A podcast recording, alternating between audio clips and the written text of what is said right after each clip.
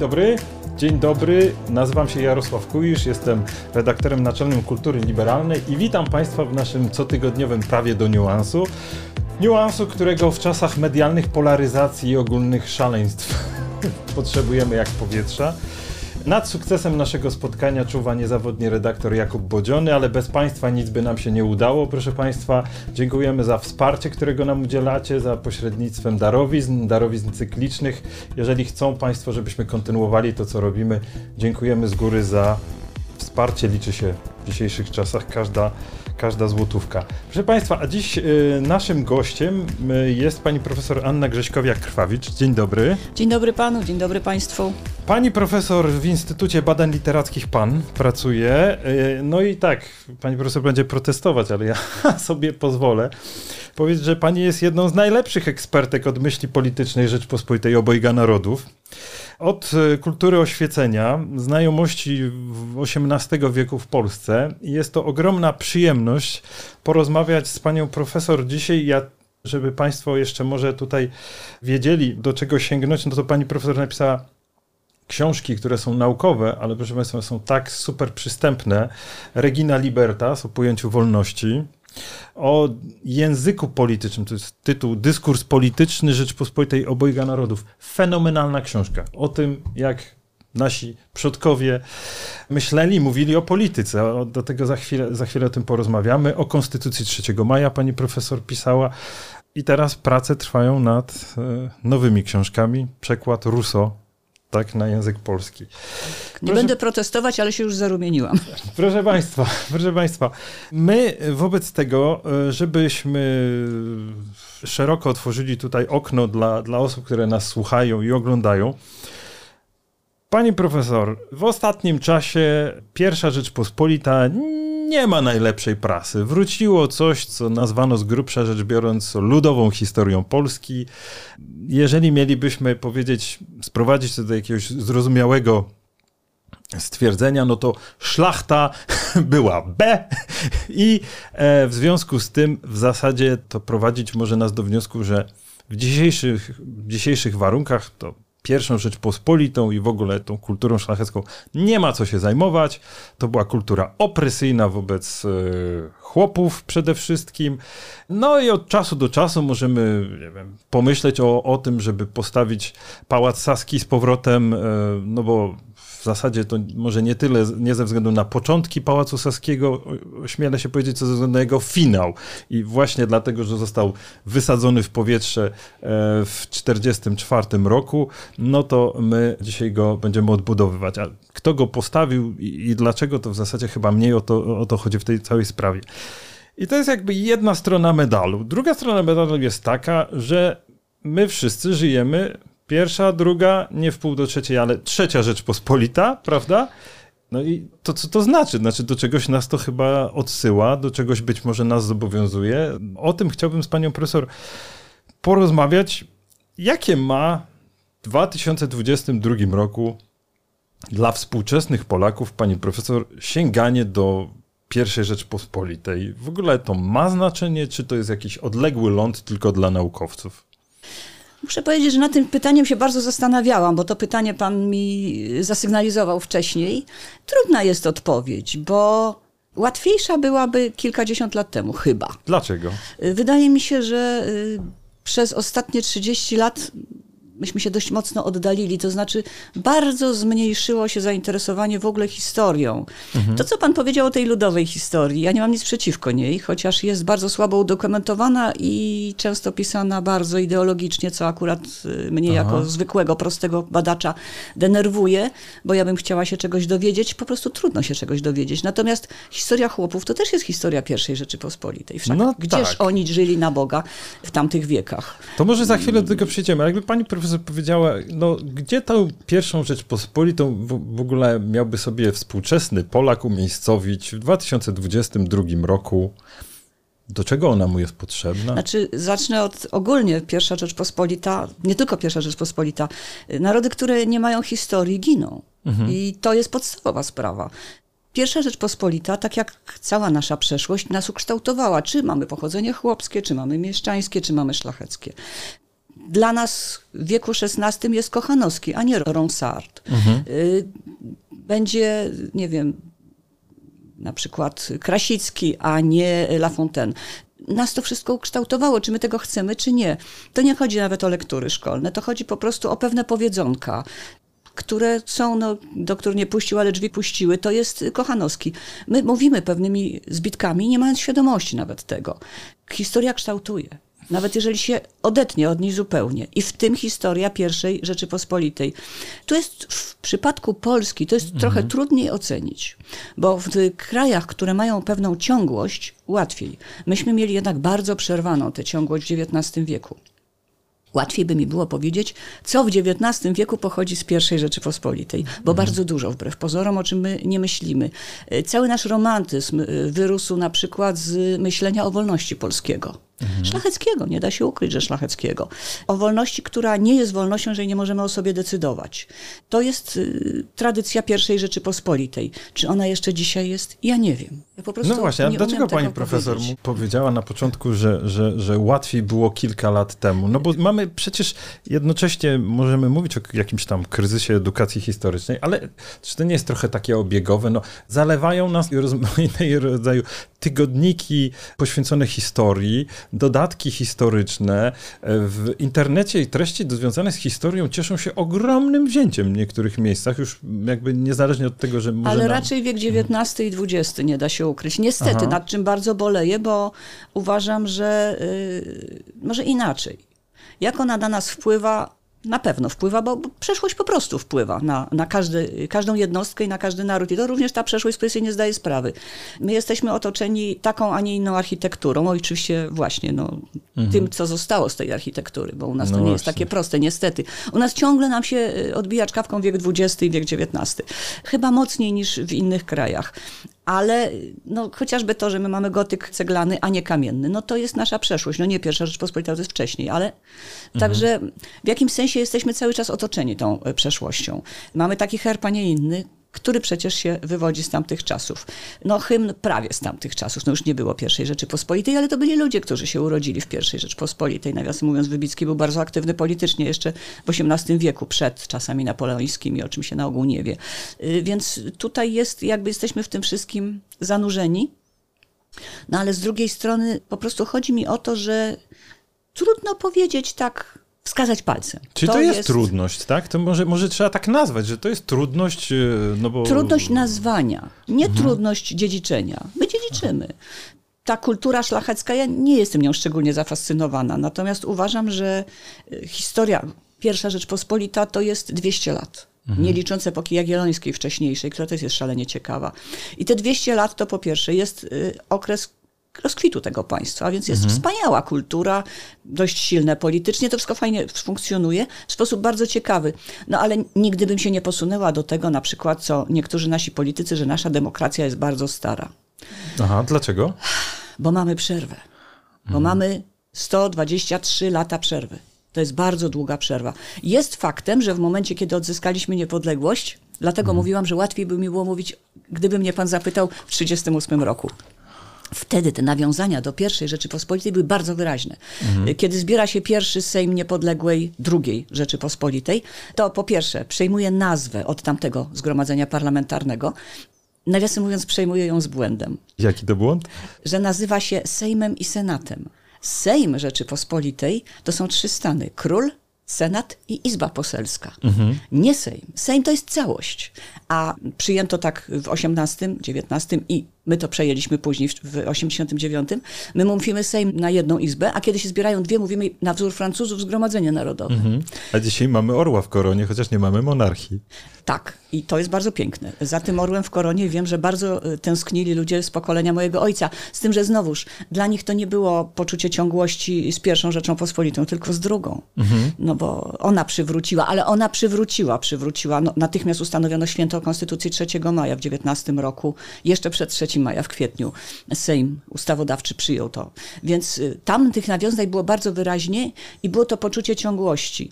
Teraz jest gorzej, bo mm, z jednej strony bardzo nam się zmienił kształt geograficzny, mhm. zmienił się nam kształt etniczny. Druga Rzeczpospolita jeszcze w dużej mierze w jakimś sensie była dziedziczką tamtego kształtu, bardzo urozmaiconego.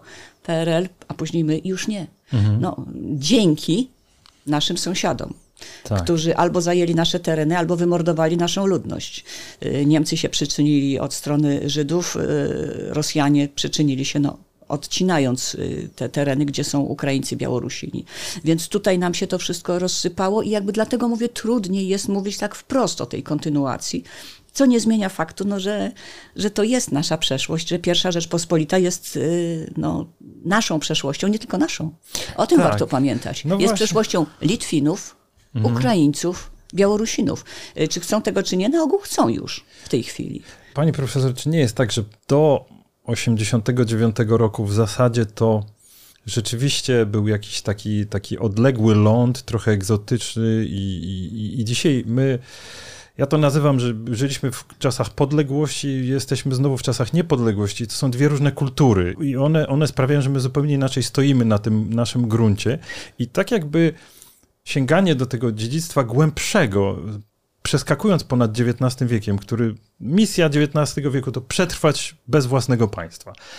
I nagle jesteśmy we własnym państwie i zaczyna się dezorientacja i zaczyna się szukanie punktów odniesienia i zaczynają się no, jakieś takie czasami histeryczne reakcje na to, co dalej, bo po wykonaniu misji przetrwania trudno powiedzieć, co dalej, tak, tak jak wcześniej. I ta pierwsza Rzeczpospolita mogłaby być jakimś takim ważnym punktem odniesienia, tylko, że my mamy same zerwania. To znaczy przesunięcie geograficzne, no nie to państwo, e, zmiana e, struktury społecznej, no po dawnej szlachcie to zostało wyłącznie wspomnienie w gruncie rzeczy. Etniczne zmiany, to jest też bardzo istotne, Etniczne. bo mówię, jeszcze do 1939 roku ta mieszanka etniczna była mhm. silna, a Teraz nie, no my jesteśmy narodem mniej więcej jednolitym etnicznie, y, co jest raczej moim zdaniem stratą niż, niż zyskiem. Y, więc tutaj jest sporo rzeczy, które utrudniają jakby dostrzeżenie w tym takim bardziej powierzchownej warstwie, bo jak mówię, w głębokiej warstwie, mhm. tak czy owak, czy chcemy, czy nie chcemy, jesteśmy dziedzicami y, tamtej pierwszej Rzeczypospolitej. Natomiast pewne idee, które, no one jednak zostały przefiltrowane przez ten XIX wiek, tak mi się wydaje, mhm. bo tak jak patrzyłam, to jest, to są bardzo interesujące pewne pewne koncepcje, pewien sposób patrzenia na państwo, ale ja bym się bała mówić o jakiejś ciągłości. Jednak za dużo tutaj jest zerwań. Pani profesor, czy to byli inni, bo teraz tak, pani się zajmuje XVIII wiekiem i ja muszę powiedzieć, za każdym razem, jak sięgam do, do e, czegokolwiek związanego z tamtą epoką, sprzed trzeciego rozbioru, to mam wrażenie, jakbym czytał o ludziach z innej planety, o e, w ogóle jakiś e, sposób myślenia, sposób widzenia świata, wrażliwość. Czy to byli inni Polacy? Nie. Moim zdaniem nie. To znaczy, to byli trochę inni ludzie, bo e, trzeba pamiętać, że pewne rzeczy, które dla nas są oczywiste, i to nie dotyczy tylko Polaków, to dotyczy mhm. całej Europy, to są wynalazki jednak XVIII wieku oświecenia, chociażby postęp który jest, no jakby teraz bardziej się sceptycznie do niego podchodzi, ale to jest już wtedy polemika z tą, z tą ideą. Natomiast takiej idei nie było w ogóle do XVII wieku. Mhm. Y, wszystko, co było dobre, było kiedyś. Już się stało. Przecież cały renesans, renesans, odrodzenie. Mhm. Oni chcieli odkrywać to, co ich zdaniem stworzyli Grecy i Rzymianie. To jest zupełnie inne myślenie o świecie. Musimy sobie z tego zdać sprawę. Innym myśleniem o świecie jest na przykład przekonanie, że świat ma 4000 lat, co mhm. było przekonaniem powszechnym. My patrzymy za siebie no, z przerażeniem w jakąś czarną dziurę. Dla nich to było dość konkretne. Mhm. Także trzeba sobie zdać sprawę, że ci ludzie pewne rzeczy rzeczywiście dla nich były bardzo, bardzo odmienne. Natomiast jeżeli chodzi na przykład o temperamenty, o rozgrywki polityczne, to ja nie widzę różnicy. Tak? Y, szczególnie, no, to już będziemy się obracali rzeczywiście y, w kręgach szlacheckich. Mhm. Bo jako żywo mieszczanie w politykę się nie wdawali, oprócz mieszczan gdańskich.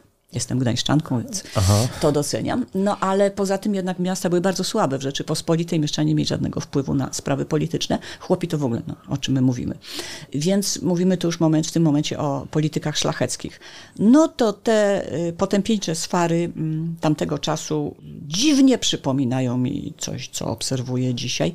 I szczerze mówiąc, y, żaden polityk dzisiaj mhm. nie jest w stanie mnie niczym zaskoczyć. No jeżeli panowie w XVIII wieku potrafili potrafili się nawzajem oskarżać o chęć otrucia, król i czartoryski, no to można uznać, że właściwie dzisiejsi politycy a język polityczny naszych e, przodków e, był, był no, otrucie, tak? Ale czy, czy używali wulgaryzmów? Czy byli jednak łagodniejsi w formie? W formie pisanej byli eleganci, moim zdaniem. Mhm na ogół. To bywały paszkwile, pamflety bardzo ostre, ale na ogół to znaczy nawet nie to oni Przynajmniej znowuż bardzo upraszczamy, bo mamy wiek XVI, mamy wiek XVII, mamy wiek XVIII, mamy 200 lat. To się zmienia. Jak czytałam pisma polityczne z, wieku, z końca wieku XVI i początków XVII, to ja byłam pod wrażeniem. Mhm. Dzisiejsi politycy tak by nie potrafili tego napisać. To ma y, oddech teoretyczny. To są ludzie niesłychanie wykształceni, naprawdę to jest na wysokim poziomie. Nawet jeżeli y, jakieś niecne cele nimi kierują, oni to potrafią wyartykułować w sposób imponujący. No to dlaczego my nie sięgamy do takiego dziedzictwa, które jak mało kiedy by się dzisiaj przydało. A to by się przydało i to jest pięknie napisane, y, piękną polszczyzną. Na tamtym etapie jest mało wtrętów łacińskich, nawet. Mhm. Później niestety czyta się bardzo źle, bo y, no, co drugie słowo jest po łacinie, przy czym oni znakomicie umieli y, łączyć składnie, czyli to jest nieskazitelnie poprawne gramatycznie, Aha. ale do czytania dla kogoś, kto nie zna biegle łaciny, te polskie teksty, bo ja mówię o polskich tekstach, to to jest upiornie ciężkie.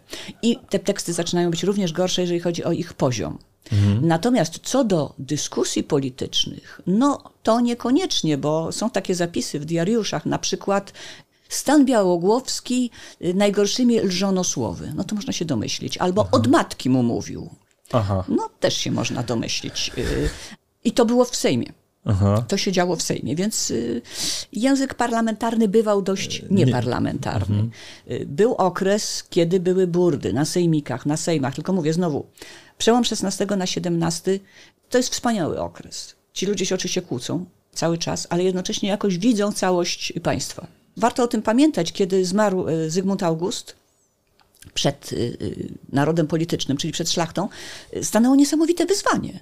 Oni musieli stworzyć ustrój nowy i go stworzyli. No, na swoje, wedle swoich potrzeb. Później on się nie sprawdził, ale w momencie, kiedy to wprowadzano, to się nawet sprawdzało. I oni to musieli określić, nazwać i umieli to zrobić. Ale później się coś niedobrego dzieje.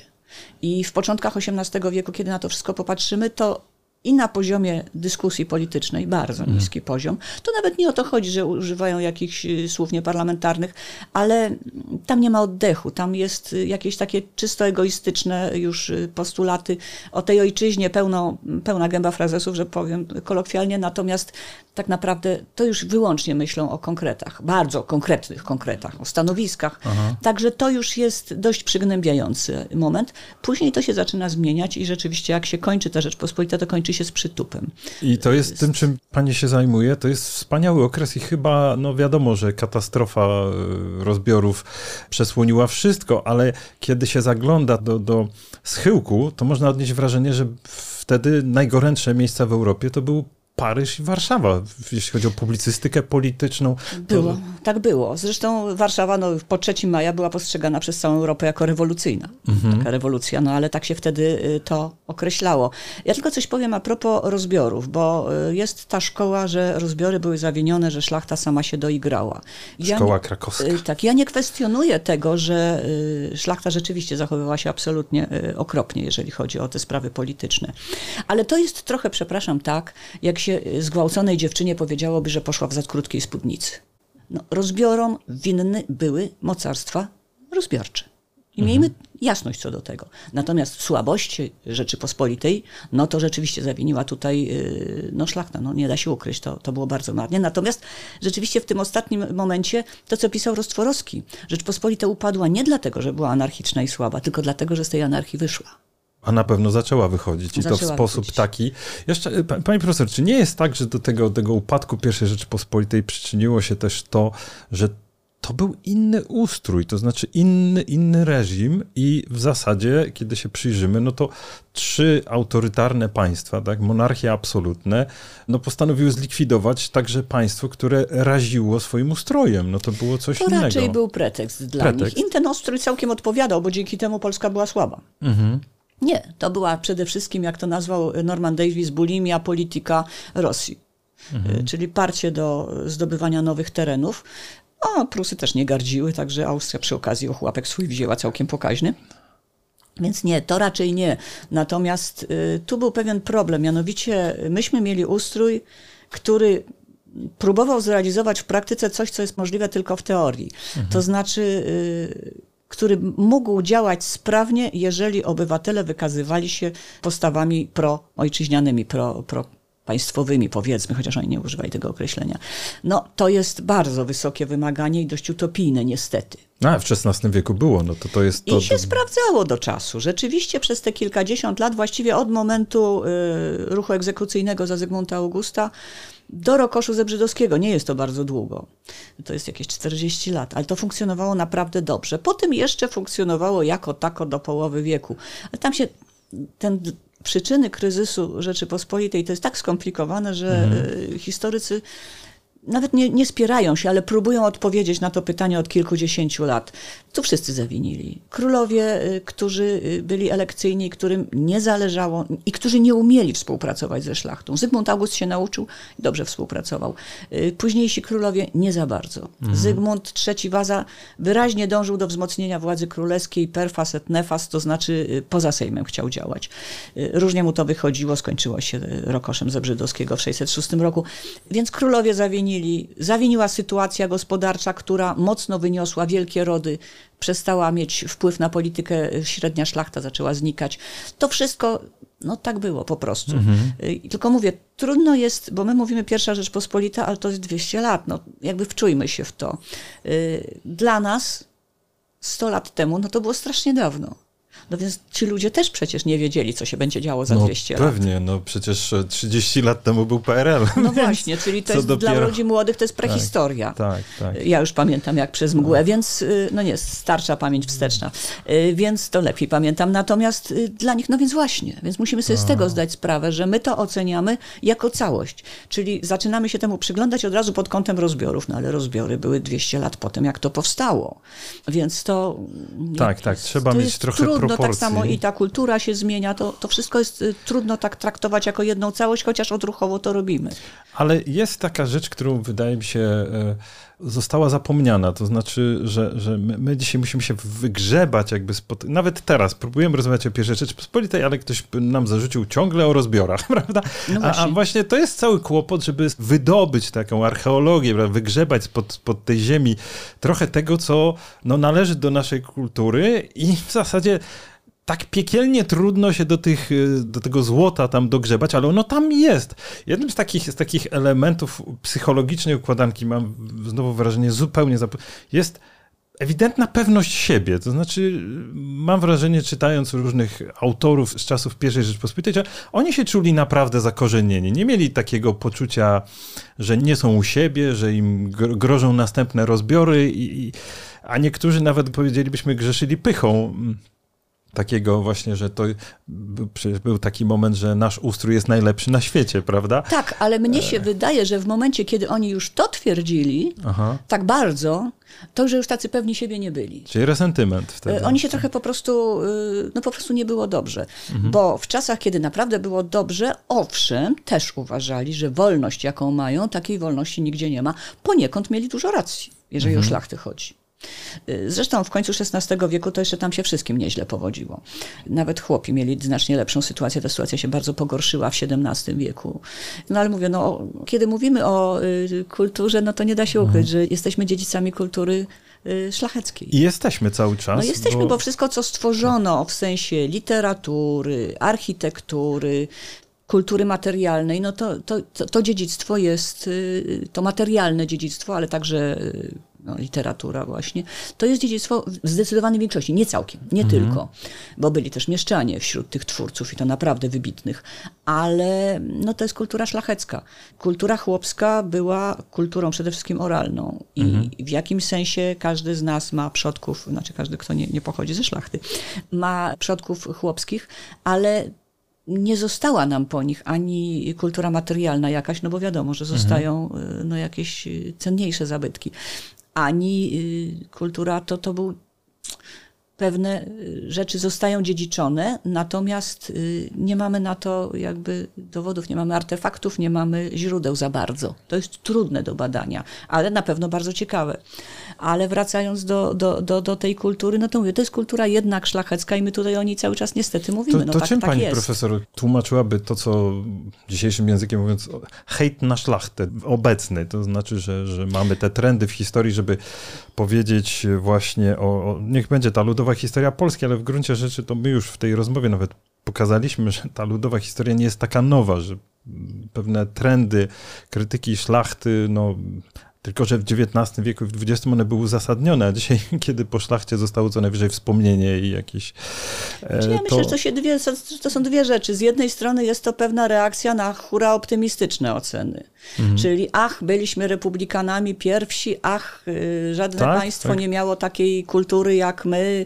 Y, nauczyliśmy Francuzów jeść widelcem. A, no to rzeczywiście, I, na takie głupstwa. I na to, y, mhm. ale jest pewien taki dość wyraźny trend, nie tylko wśród mhm. polityków, takiego hura optymizmu w y, interpretowaniu naszej mhm. przeszłości. I myślę, że jakby odpowiedzią opór, na to tak? jest, jest jedno. I to jest jeden. Drugi to jest pewna moda.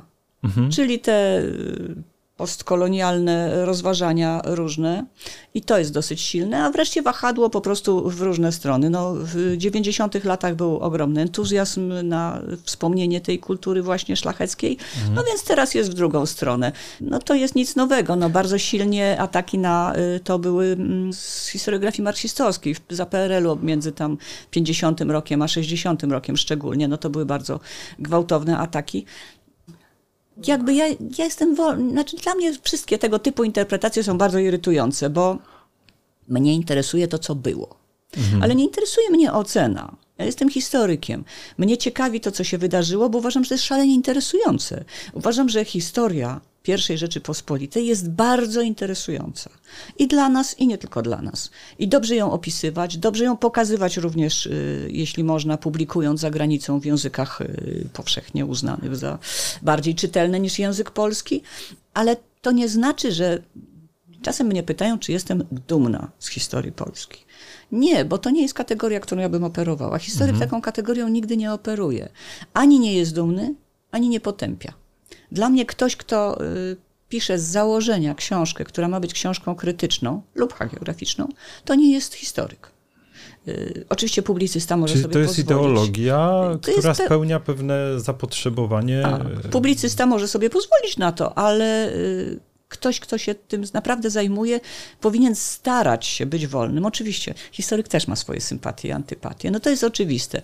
Ja na przykład z pisarzy politycznych XVI wieku bardzo lubię Andrzeja Wolana, mniej znanego. Mhm. I lubię bardzo Orzechowskiego, który uchodzi za czołowego ideologa, zresztą właśnie szlacheckiej, taki republikanizmu szlacheckiego. A bardzo nie lubię Andrzeja Frycza Modrzewskiego. Ale to jest Aha. moja prywatna sympatia. Ja wiem, że to wybitny pisarz był ale ja go po prostu nie lubię, bo mnie nudzi. Więc y, oczywiście historyk nigdy nie jest wolny od sympatii antypatii, szczególnie jeżeli bada jakąś postać, to na ogół zaczyna ją lubić po jakimś y, czternastym czy piętnastym opisaniu tej postaci. No ale powinien się starać jednak nie można zaczynać z założeniami ideologicznymi badań historycznych. To co, pani profesor, jak już, jak już padło to słowo, pierwsza Rzeczpospolita to było państwo, które miało kolonie? Można tego języka używać? Nie, nie można. Nie można. Zdecydowanie Dlaczego? uważam, że to jest nadużycie. Pierwsza Rzeczpospolita kolonii nie miała. Pierwsza Rzeczpospolita miała duże tereny, na których mieszkali ludzie, które nigdy nie zostały podbite na Boga, na których mieszkali ludzie różnej różnego stanu społecznego, różnego pochodzenia etnicznego i tym ludziom pochodziło się dobrze albo źle. Szlachta y, rzeczywiście miała chłopów poddanych, chłopów polskich, chłopów ukraińskich, chłopów białoruskich i tym chłopom powodziło się dobrze albo źle, częściej źle. Ale to jakby narzędzia do badania tych y, podbojów kolonialnych tu się nie sprawdzają. To wydaje mi się, że to jest trochę w mm, takim duchu teraz wszyscy się biją w piersi, a my no, nie mieliśmy kolonii, to nie ma powodu, no to trzeba coś znaleźć. A, czyli takie podłączenie się do modnych trendów Moim zdaniem tak. w nauce ale światowej, tak, tak? Zdecydowanie tak. Y, które są, ale jak mówię, to są narzędzia wybitnie nieodpowiednie do y, badania takich problemów jak u nas. No, inny układ był zupełnie, myśmy nie pojechali, nigdzie niczego nie podbijali. Ci ludzie nie byli dla nas obcy etnicznie, chociaż różni oczywiście Dlaczego byli. szlachta nie chciała mieć kolonii? Oni mieli w którymś momencie, Rzeczpospolita miała milion kilometrów kwadratowych, po cóż, ach, po cóż były im kolonie. Mhm.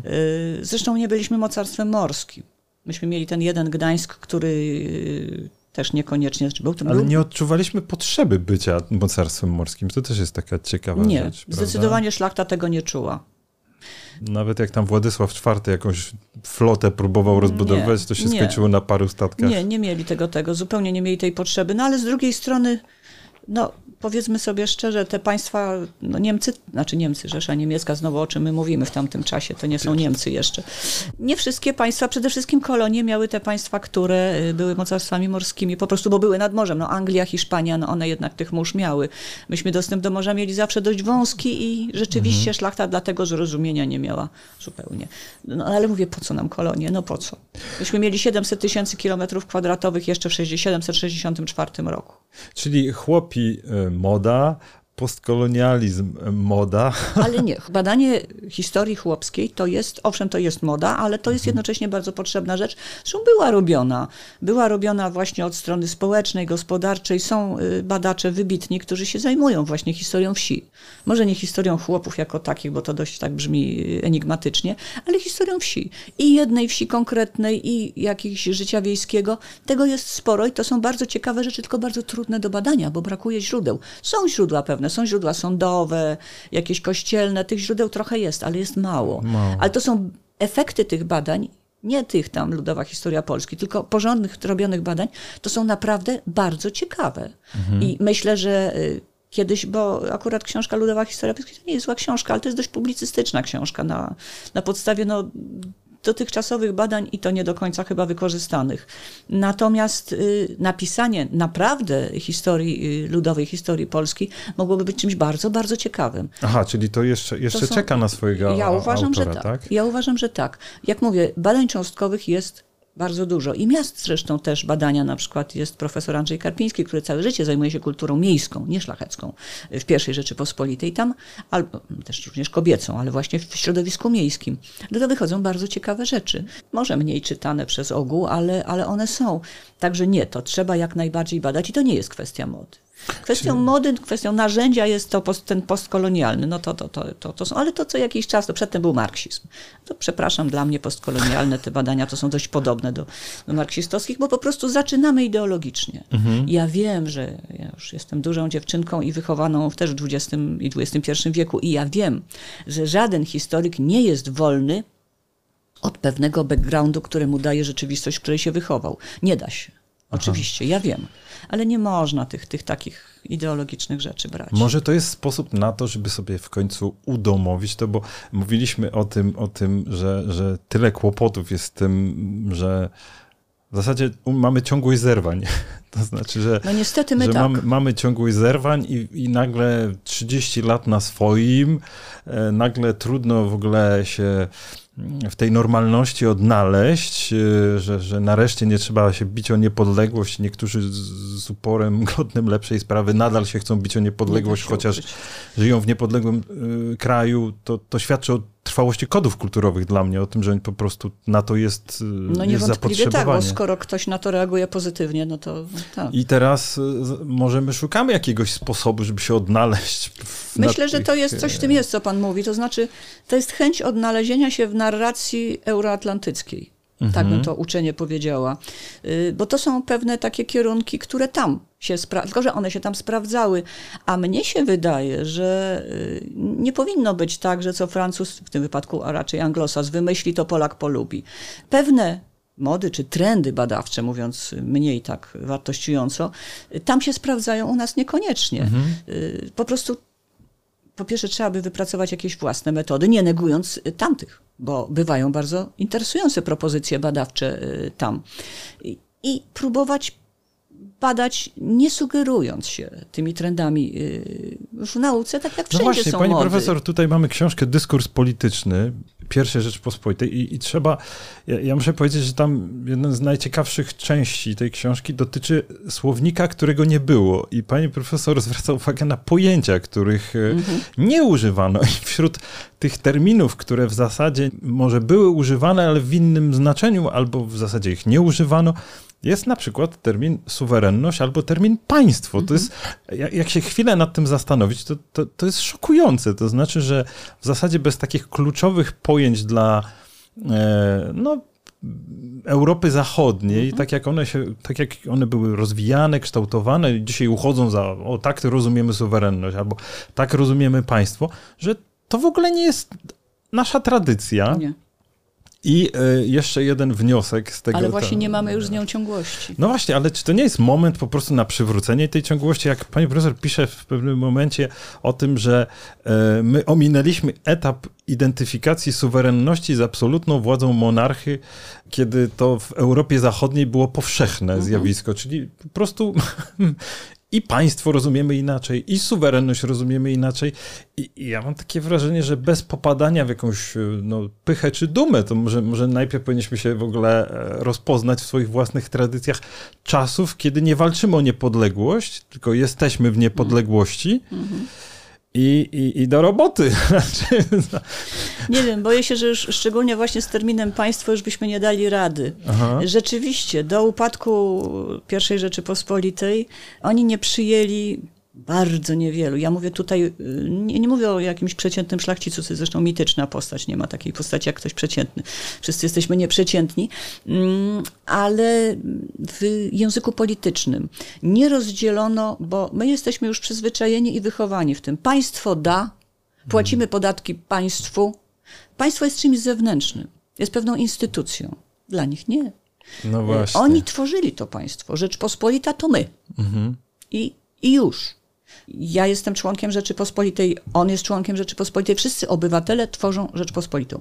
To było niebezpieczne, bo można było powiedzieć, że nie obywatele Rzeczypospolitej nie tworzą i w tej sytuacji w ogóle się chłopami nie będziemy interesowali i oni to zrobili, niestety.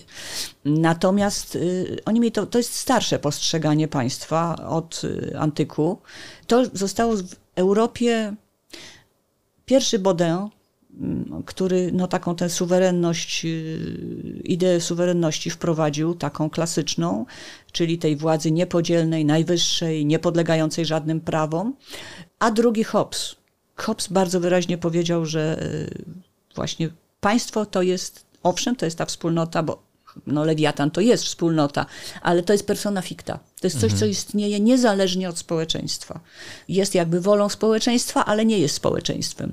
I to zostaje rozdzielone bardzo wyraźnie. U nas nie. To jest fascynujące, bo to przynosi tak. ogromne konsekwencje. Można by się zastanawiać nawet nad tym, że jeżeli potem jeszcze po rozbiorach wchodzi nam poczucie, że państwo to obcy, i, e, I my zostajemy z, takim, z takim melanżem, że e, z jednej strony e, nie mamy tego takiego, że a, to państwo to my, to już nie odeszło, potem, że państwo to obcy i w efekcie zostajemy z czymś takim, nie wiem, państwo teoretyczne, jak mówi Bartłomiej Sienkiewicz, czy państwo z dykty, jak powie dowolny polityk, y, krytykując drugą stronę władzy.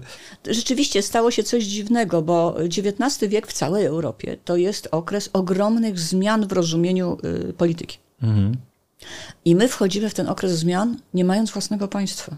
I to jest bardzo skomplikowane, bo po części oni idą za tym, czego się nauczyli od swoich przodków i jeszcze to w końcu w 815 roku to są ci sami ludzie.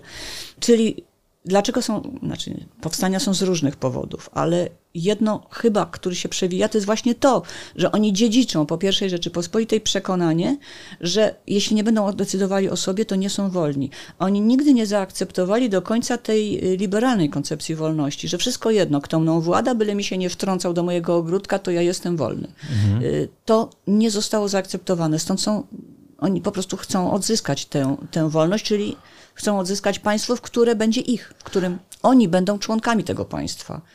To prawda, ale, ale, ale mamy tych liberałów z początku XIX wieku, bracia niemojowscy, mhm. kaliszanie i oni bardzo szybko zdają sobie sprawę, że, że w pewnym sensie bez państwa w ogóle niemożliwy jest liberalizm, nawet taki, o którym oni się u Konstanta naczytali, czyli taki liberalizm, w którym pierwsze, pierwszy postulat, uwaga, przestrzeganie konstytucji, e, no, że on po prostu jest nie do pogodzenia z reżimem carskiej no, Rosji. Car im bardzo pomógł w zrozumieniu tego. Prawda? Robił Prawda? chłopak co mógł. I, I, kiedy Karpiński z królem piszą w swoich sylwetkach XIX wieku o tym, że no, błąd Kaliszanie, liberalizm nie do pomyślenia w carskiej Rosji, no ale trzeba się było o tym przekonać, prawda? Oni się przekonali. Także to jest, y, jak mówię, tutaj jest no, powstanie kościuszkowskie, to doskonale widać. Ojczyzna nam się wraca, wolność z nią. Mhm. Bo to jest dla nich absolutnie razem zbite.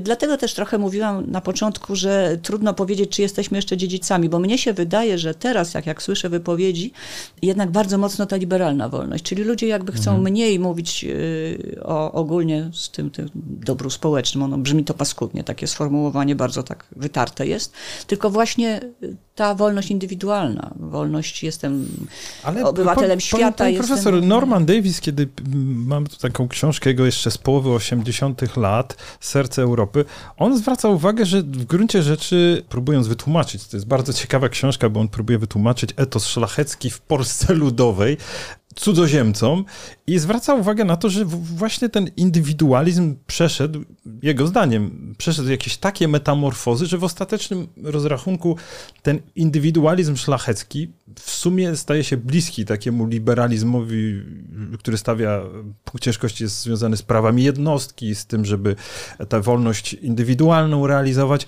że to przeszło z kultury szlacheckiej na pozostałe warstwy społeczeństwa i że jest połączony z takim e, egalitaryzmem, z dążeniem do równości, nawet może zacytuję. Połowa lat 80. Norman Davis nie ulega wątpliwości, że popularne pojęcie o demokracji we współczesnej Polsce ma więcej wspólnego z przekonaniem o jednakowej wartości każdej jednostki niż z praktyczną znajomością teorii konstytucyjnej czy z doświadczeniem procedury demokratycznej. I to jak pisze Norman Davis, jest częścią dziedzictwa kultury szlacheckiej. Jest, tylko on to pisze w 80 latach, a tak. mamy 2022 i mnie się wydaje, że trochę się pozmieniało. Aha. Ale może mi się tylko wydaje, ja jestem historykiem, a nie socjologiem, więc yy, nie wiem, tak, to jest tak na moje wyczucie. A co się tylko. pozmieniało? No właśnie to, że yy, mniej się jednak interesują, w ogóle ta ten poziom polityczny jest y, w 80 latach ogromne było zainteresowanie. A teraz wydaje mi się, że nie, że są pewne wartości, które mają być ogólnie realizowane, tolerancja y, i tak dalej, i tak dalej, i że to można realizować w Polsce, we Francji, w różnych miejscach świata i, i, i, właściwie to jest wszystko jedno. Wydaje mi się, że no to zresztą jest chyba dobrze, po prostu jesteśmy wolni, a wtedy nie byliśmy. Mhm. Więc y, to być może jest naturalne i jakby dochodzimy do, do pewnego y, stanu, który był oczywisty dla wspólnot europejskich wcześniej, bo były właśnie wolne. Nie wiem, dlatego mówię, tu jest trochę trudno, bo ja miała naturalną chęć powiedzenia, że to jest kontynuacja rozumienia wolności z tamtych czasów, ale ja nie wiem, po prostu mhm. nie wiem. Mnie się wydaje, że teraz już bardziej jest ta wolność liberalna stricte, kiedy tam była rzeczywiście ta wolność republikańska. Oczywiście na co dzień to nie było tak, bo gdyby tak było, to byśmy istnieli w niezmienionym kształcie do dzisiaj. Nie było tak na co dzień, że każdy szlachcic troszczył się o dobro wspólne. On się wcale o nie nie troszczył. Ale wiedział, że to jest wartość polityczna i że on powinien się o nie troszczyć. Czyli starać się trzeba. Nie starał się, ale przynajmniej w warstwie frazesów to było. Mhm. Frazesy polityków są rzeczą ważną, bo one mówią, co jest w danym społeczeństwie cenione. No a tamte frazesy właśnie była oczywiście wolność, no i miłość ojczyzny, dobro mhm. wspólne. To się nieustająco przewija. No i y, szacunek dla prawa. Oni nie szanowali za bardzo prawa, nie troszczyli się o dobro wspólne ale to były wartości polityczne czołowe dla nich. Pani profesor, musimy zmierzać y, powoli do końca, ale nie mogę nie zadać pytania. Jest pani zwolenniczką odbudowy Pałacu Saskiego? Nie. Dlaczego? Nie wiem, nie mam jakoś przesadnego sentymentu do tego budynku. Ja nie jestem warszawianką. Ach, ale jest to kawałek pierwszy Rzeczpospolitej, nawet jeśli odbudowany zostanie w tej późniejszej wersji. No, znaczy mam wrażenie, że raczej jest to kawałek drugiej Rzeczpospolitej dla mhm. tych, którzy chcą go odbudowywać. Nie, ja nie mam też nic przeciwko. E, ale ja nie, nie, A to dużo nie, kosztuje, to nie jest nie taka mam, nie mam, nie mam jakichś uczuć na ten temat, bo Aha. ja jestem przyzwyczajona do tego wyglądu placu. Wydaje mi się, że no to jest taka trochę sztuka dla sztuki. No będziemy mieli jeszcze jedną atrapę. Y, Zamek Królewski bardzo dobrze, że odbudowano. To z tego się bardzo cieszę. No to, może, to może o to samo chodzi? No nie do końca jednak. Zamek Królewski to jest, y, jak to napis powiedział kiedyś profesor Karpowicz, ratusz Rzeczypospolitej. Mhm. Tu się odbywały sejmy. To jest jednak y, bardzo ważne. Pałac Saski, no to jest dopiero Pałac Saski, jak sama nazwa świadczy, więc XVIII wiek. Królowie akurat byli zewnętrzni i no, ma uczucia ambiwalentne. Chociaż August III to spędził kawał życia w Warszawie.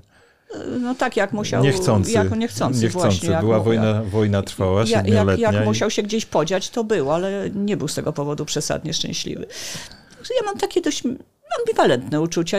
Jeżeli politycy uważają, że to jest świetny pomysł no i mają na to pieniądze, no to niech to sobie robią. Jeżeli to są moje mhm. pieniądze, to już mniejszy entuzjazm odczuwam, ale... Jakby pani profesor miała nam, naszym, naszym słuchaczom polecić jakąś e, lekturę, coś, co spowodować by miało, że mieliby nabrać trochę smaku do, tego, do tej dawnej Rzeczypospolitej, to co by pani profesor poleciła? Tak na szybko to jest trudno. Chciałam powiedzieć profesora Butterwicka, będzie niedługo tłumaczona jego książka, tak? więc może za rok będzie. To musimy powiedzieć. Profesor Richard Butterwick odsyłamy do naszego podcastu, na pewno będzie w opisie, który mieliśmy razem. Profesor Butterwick w języku angielskim jeszcze jest ta książka dostępna tylko. Popełnił grubą, ale pyszną książkę o Rzeczpospolitej, obojga narodów. Przynajmniej w XVIII wieku, ale z innych książek jest bardzo stara książka, bardzo dobra, Andrzeja Wyczańskiego, Polska Rzeczą Pospolitą Szlachecką. Mhm. Y, bardzo dobrze się czyta y, i tak uważam po dziś dzień, uważam, że to jest, ja studentom to swoim dawałam, po dziś dzień uważam, że to jest jedna z najlepszych książek, wydana chyba w 70 latach. A z, nie z historyków, tylko z tych, którzy, z aktorów, kogoś warto czytać jeszcze? Tak Pamiętniki z... królewskie Stanisława Augusta Pyszne. oczywiście. Mhm. Y, zdecydowanie, a z epok wcześniejszych, no też są, no oczywiście, no pamiętniki Paska naturalnie i Kitowicza. Mhm. No bo to są urocze rzeczy i nie starzejące się, bo już są tak stare, że się zestarzeć nie mogą. Także gorąco polecam. No, y, Nowe Ateny księdza Chmielowskiego w reprintach są i chyba nawet też jest jakieś wydanie. Bardzo polecam krzywdę zrobiono księdzu Chmielowskiemu. To jest znakomita książeczka i nieprawda, że koniaki jest każdy widzi, bo tam jest jeszcze dużo, dużo więcej o tym koniu i dużo sensowniej. Proszę Państwa, zatem polecamy gorąco. No róbmy, no, dlaczego nie? Jesteśmy w trzeciej Rzeczpospolitej, to możemy sobie nie tylko do drugiej zaglądać, ale i do pierwszej. Gorąco zachęcam, bo czy jesteśmy dziedzicem, czy nie, to jest fascynujący okres, jest mnóstwo ciekawych książek. Proszę Państwa, bardzo dziękujemy Pani Profesor. Ja Dziękuję jak zawsze bardzo. kilka słów jeszcze tutaj do Państwa skieruję, przypominając, że Prawo do Niuansu jest czwartkową odmianą wideo podcastu. Każdy z naszych odcinków mogą Państwo oglądać, odsłuchiwać na ulubionych serwisach e, streamingowych i tam prosimy o ocenianie, pisanie recenzji. To wszystko nam pomaga docierać do szerszej e, publiczności. Już jutro redaktor Jakub Bodziony będzie rozmawiać z Mateuszem Lachowskim, korespondentem wojennym, który relacjonuje sytuację w Donbasie, więc będą mogli Państwo posłuchać o tym, jak wygląda praca dziennikarza w warunkach frontowych. Na pewno, na pewno ciekawe y, wiadomości. No i proszę Państwa, www.kulturaliberalna.pl, tam mają Państwo eseje o polityce, książkach i kulturze audiowizualnej. To wszystko dla Państwa za to, że nas Państwo wspieracie, za to, że nam Państwo pomagają przetrwać finansowo te trudne czasy. Dziękuję jeszcze raz w imieniu zespołu i moim. No i zapraszam Państwa w następny czwartek do Prawa do Niuansu. Do zobaczenia. Dziękuję bardzo. Dziękuję Pani Dziękuję, do widzenia.